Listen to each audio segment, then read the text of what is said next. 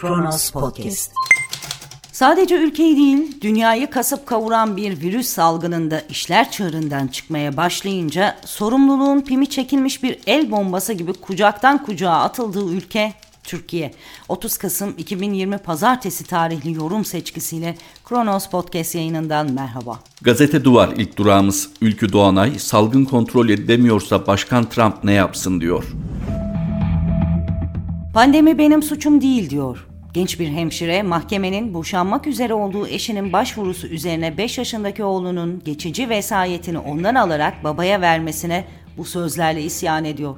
En çok da başka benzer davalar için emsal karar olmasından endişeli. Oysa hata kendisinde. Pandemi sağlık çalışanlarının suçu. Sorumluluk onlarda. Çünkü Mart ayının başından bu yana salgının en ağır yükünü omuzlamak zorunda kalanlar onlar ağır çalışma koşulları altında dinlenemeden, nefes almadan çalışan, günlerce evlerinden, çocuklarından ayrı yaşamak zorunda kalan, hastalanan, iyileşip sonra yine hastalanan, hayatını kaybeden, bütün bunlar yetmiyormuş gibi yaşadıkları yerde komşuları, ev sahipleri tarafından ayrımcılığa uğrayan, hasta yakınlarınca tartaklanan, tehdit edilen, hakarete uğrayan onlar değil miydi? İşte şimdi de yaptıklarının bedelini ödüyor, yargı eliyle cezalandırılıyorlar. Hatırlayalım. Salgının ilk aylarında hekimler başkentte dahi maske ve koruyucu ekipman temininde sıkıntılar yaşarken Türkiye, İtalya, İspanya, İngiltere ve Amerika dahil salgına hazırlıksız yakalanan birçok ülkeye maske ve koruyucu ekipman bağışlıyordu. Cumhurbaşkanı Erdoğan 29 Nisan'da bir uçak dolusu tıbbi malzemeyle birlikte Donald Trump'a hitaben kaleme aldığı bir mektupta göndermişti Amerika Birleşik Devletleri'ne. Bu mektubunda Trump'ın Amerika Birleşik Devletleri'ndeki salgını kontrol altına almak amacıyla verdiği kararlı mücadeleyi takdirle izlediğinden söz ediyor. Aldığı tedbirler sayesinde vaka sayılarında aşağı yönlü bir eğilim elde ederek normalleşme yönündeki ilk adımları atmaya başlamasından büyük memnuniyet duyduğunu belirtiyordu. Gerçekten de Trump'ın salgınla mücadele yönünde dünyaya olmasa da Türkiye'ye örnek olan son derece başarılı politikası sonucunda Amerika Birleşik Devletleri'nde mektubun yazıldığı günlerde 28-30 bin civarında olan günlük vaka sayısı bugün 200 bini geçmiş durumda. Zaten seçimi de kaybettiğine göre Trump belki önümüzdeki günlerde eteklerindeki taşları döker ve salgının bu noktaya gelmiş olmasının birinci derecede sorumlusu olarak Amerika Birleşik Devletleri COVID-19 Bilim Kurulu'nu gösterir diye düşünürken bir de baktım ki Amerika Birleşik Devletleri'nin bizimki gibi birinci derecede sorumlu bir bilim kurulu yok yani kısa adı NASEM olan Türkçe'ye Ulusal Bilim Mühendislik ve Tıp Akademisi olarak çevrilebilecek bir kurum var. Ama o bizim bilim kurulu gibi pandemiyle mücadele için kurulmuş değil. Tarihi 1916'ya dayanıyor. Hal böyle olunca Başkan Trump ne yapsın? Zaten o çoktan daha Ekim ayı başlarında pandeminin gerçek sorumlusunu açıklayarak suçu mavi eyaletlere Seçmen haritasında demokratların çoğunlukta olduğu New York, New Jersey, Kaliforniya gibi eyaletlere atmıştı. Diyordu ki mavi eyaletleri çıkarırsanız vaka sayımız çok düşük seviyede. Dünyada kimsenin olmadığı kadar düşük. Gerçekten çok düşük seviyedeyiz. Trump'ın bu sözleri bizim siyasi kültürümüze pek de yabancı değil. Ne de olsa 18 yıldır başa gelen ya da gelmeyen her beladan ya CHP'yi ya da o olmazsa CHP zihniyetini sorumlu tutan bir iktidar tarafından yönetiliyoruz. Hatta ben olsam Cumhurbaşkanının geçen gün yaptığı gibi her biri çok değerli bilim kurulu üyelerini gücendiren bu işin birinci derecede sorumlusu bilim kuruludur gibi bir açıklama yapmak yerine bir kez daha Trump'ı örnek alırdım. Şimdi bu açıklama nedeniyle üstüne bir de bugüne kadar hasta sayısı olarak açıklanan sayıların salgının gerçek seyrini yansıtmaktan çok uzak olduğu ortaya çıkıp gerçek vakaların açıklananın 10 misli olduğu anlaşılınca bilim kurulu üyeleri de kendilerini biz de bu sayılardan yeni haberdar olduk diye savunmak zorunda kalıyorlar. Üstüne bizim yetkimiz yok sadece tavsiye veriyoruz gibi açıklamalarla bir kenara çekiliyorlar. Ardından bir de kandırıldık deseler tam olacak ya neyse. Kandırılmak da yerli ve milli kültürümüzde koskoca bilim insanlarına değil, belli bir siyasi geleneğe özgü bir davranış biçimi. Neyse lafı dağıtmayalım. Ben olsam diyordum bilim kurulunu şunu bunu değil de salgının yayılmasından doğrudan CHP'li belediyeleri sorumlu tutardım. Ne de olsa Ankara, İstanbul, İzmir, Eskişehir, Adana, Antalya, Mersin, Aydın gibi büyük şehirler CHP'li başkanların yönetiminde. Düşünün bir kere Donald Trump'ın haritadan mavi eyaletleri çıkarttığı gibi siz de birkaç gündür açıklanmaya başlayan toplam vaka sayılarının olduğu tablodan CHP'nin yönettiği büyük şehirleri çıkarıverseniz sonuç mis. Dünya sıralamasında gerçekten de güzel yerlere gelebilirdi memleket. Böyle tam yerli ve tam milli. Anlayacağınız yok efendim ülke yönetilemiyormuş. Yok iktidar salgına karşı önlem alamıyormuş. Yok günü kurtarmaya yönelik hamlelerle krizi daha da tırmandırıyormuş. Bir kere kardeşim hükümet mi dedi sana git de korona ol diye? Gitme İşe de gitme. Şunun sırasında aşı bulunup da Türkiye'ye getirilene kadar dişini sıkamadın. Dizini kırıp evinde oturamadın. İktidar miting düzenlediyse, cami açtıysa, otobüslere doldurup zorla mı götürdü? Gitmeseydin. Ha, çocuk okula gitti de okuldan mı getirdi hastalığı? Ee, Milli Eğitim sana taahhütname imzalatmadı mı? Tüm sorumluluğu ben üstleniyorum yazan kağıdın altına imza atmadın mı?'' Sağlık Bakanı olsun, Sayın Cumhurbaşkanı olsun kaç kere söylemedi mi maske tak, sosyal mesafeye uy, hayat eve sığar, evde kal diye? Bak kalmadın, başına neler geldi. Suç senin, sağlık çalışanlarının, artı bilim kurulunun. Ha bir de başımıza gelenler hep mavi eyaletlerin işi. Gazete Duvar'dan Ülkü Doğanay'ın satırlarıydı. T24 var sırada. Amerika Birleşik Devletleri'ndeki seçim sonrası tüm dünyada bir dalgalanma olduğu açık. Oradan yola çıkan Murat Belge'nin yazısı iç ve dış başlığını taşıyor. Trump Amerika'da da dünyada da görmeye alışık olduğumuz türden bir kişi değildi. Hele ABD'nin başındaki adam olarak görmeye hiç alışık değildik. Her şeyi tepe taklak etti. Bunların hepsini düzeltmeye Biden'ın enerjisi yetmeyebilir ama o da erişebildiği her yere yetişip Trump'ın yakıp yıktığını restore etmeye çalışacaktır. Bunların arasında Türkiye'nin de bulunacağını sanıyorum. Donald Trump'la Tayyip Erdoğan aralarında bir modus vivendi kurmuşlardı. Bunun bir benzerinin Biden'la yürütülebileceğini hiç düşünmüyorum.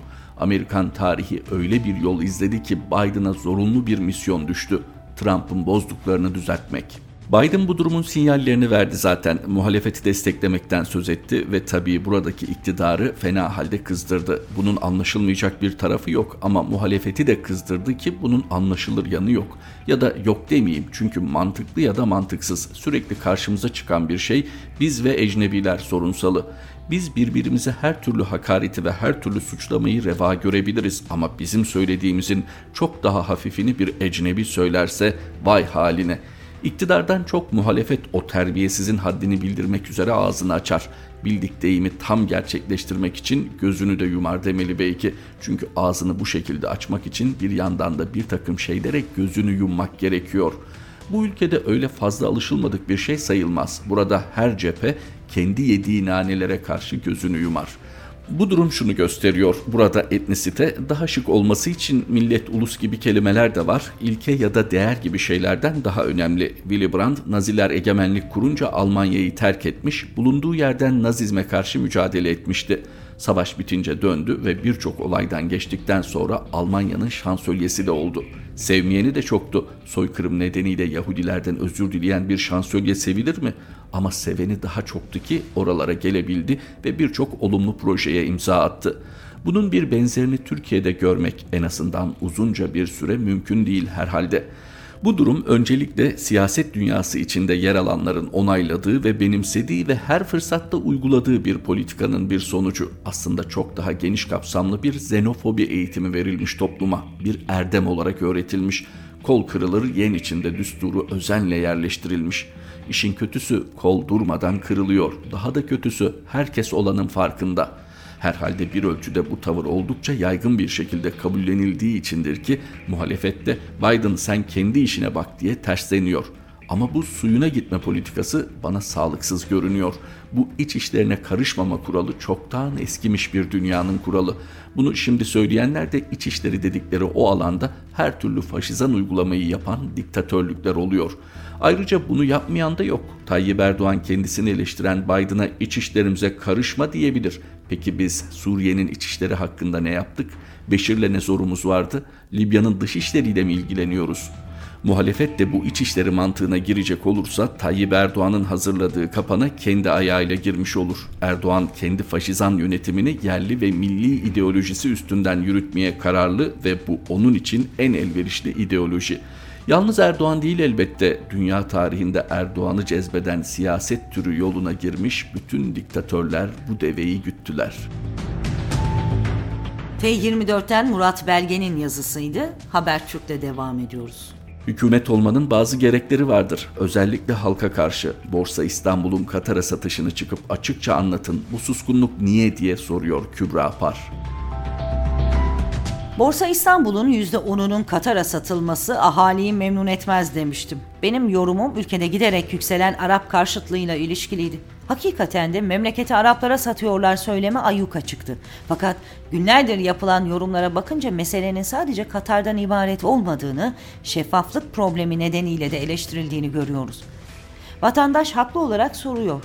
Kaça satıldı? Niye satıldı? Bu işten bizim kazancımız ne olacak? İhale açılması gerekmez miydi? İktidar eğer bu soruların yalnızca muhalefet liderleri tarafından kendilerini sıkıştırmak için sorulduğunu zannediyorsa fena halde yanılıyor. Her kesimden insan merak ediyor yapılan işlemin anlamını. Buna rağmen dört gündür yetkililerden gelen net bir açıklama yok. Öğrenebildiğimiz kadarıyla Türkiye Varlık Fonu kamu ihale kanununa tabi değilmiş. Bu yüzden de anlaşmaların fiyatı açıklanmayabilirmiş. İyi güzel ama bu kadar tartışma konusu olmuşken hükümetin sessizliği olayı daha gizemli, şaibeli ve spekülasyona açık hale getirmiyor mu? Yaptık oldu bitti tavrı yerine Türkiye Varlık Fonu CEO'su Zafer Sönmez, Borsa İstanbul Genel Müdürü Hakan Atilla ya da ekonomide yeni sayfa açacağı vaadiyle göreve gelen yeni Hazine ve Maliye Bakanı Lütfi Elvan çıkıp ne olup bittiğini tane tane anlatsa hem kendileri için hem de biz vatandaşlar için daha iyi olmaz mı? Bir bakanın istifa edip etmediğinden 27 saat boyunca emin olamayan kamuoyu şimdi de büyük bir kamusal satışın maliyetini öğrenemiyor. Ekonomiye getirisi götürüsü ne olur sahiden bilmiyorum ama bu tür sessizliklerin siyasi iletişim eksikliği olduğu ve kapalı devre yönetim duygusu uyandırdığı muhakkak. Kübra Par'ın satırlarıydı. Habertürk'ten sonra Sözcü'deyiz. Mevcut hükümete sorulacak epey soru var. Çiğdem Toker'de Okluk ya da Hayalet Saray başlığıyla onlardan birini hatırlatıyor. Artık cevap bile vermiyorlar. Cumhurbaşkanlığı Yazlık Sarayı'ndan bahsediyorum. Marmaris Okluk Koyu'nda Rönesans grubuna yaptırılan ancak ihalesini maliyetini bilmediğimiz saraydan.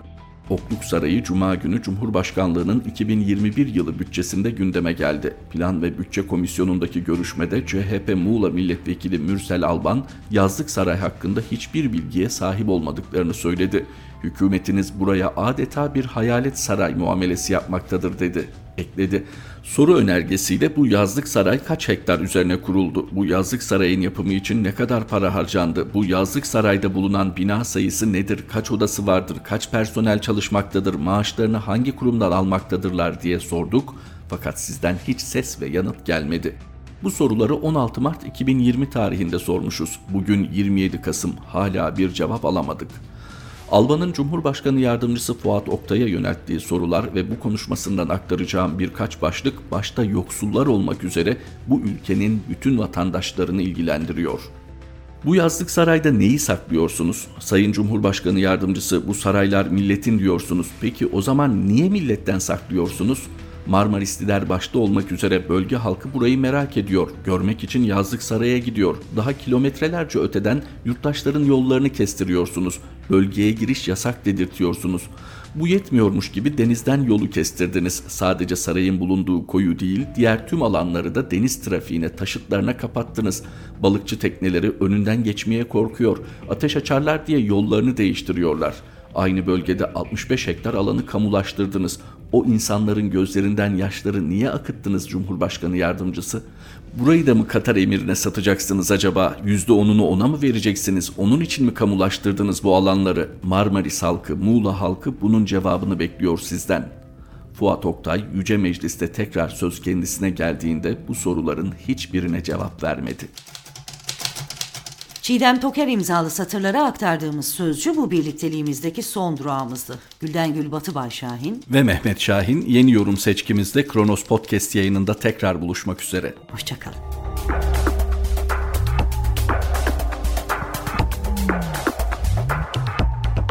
Kronos Podcast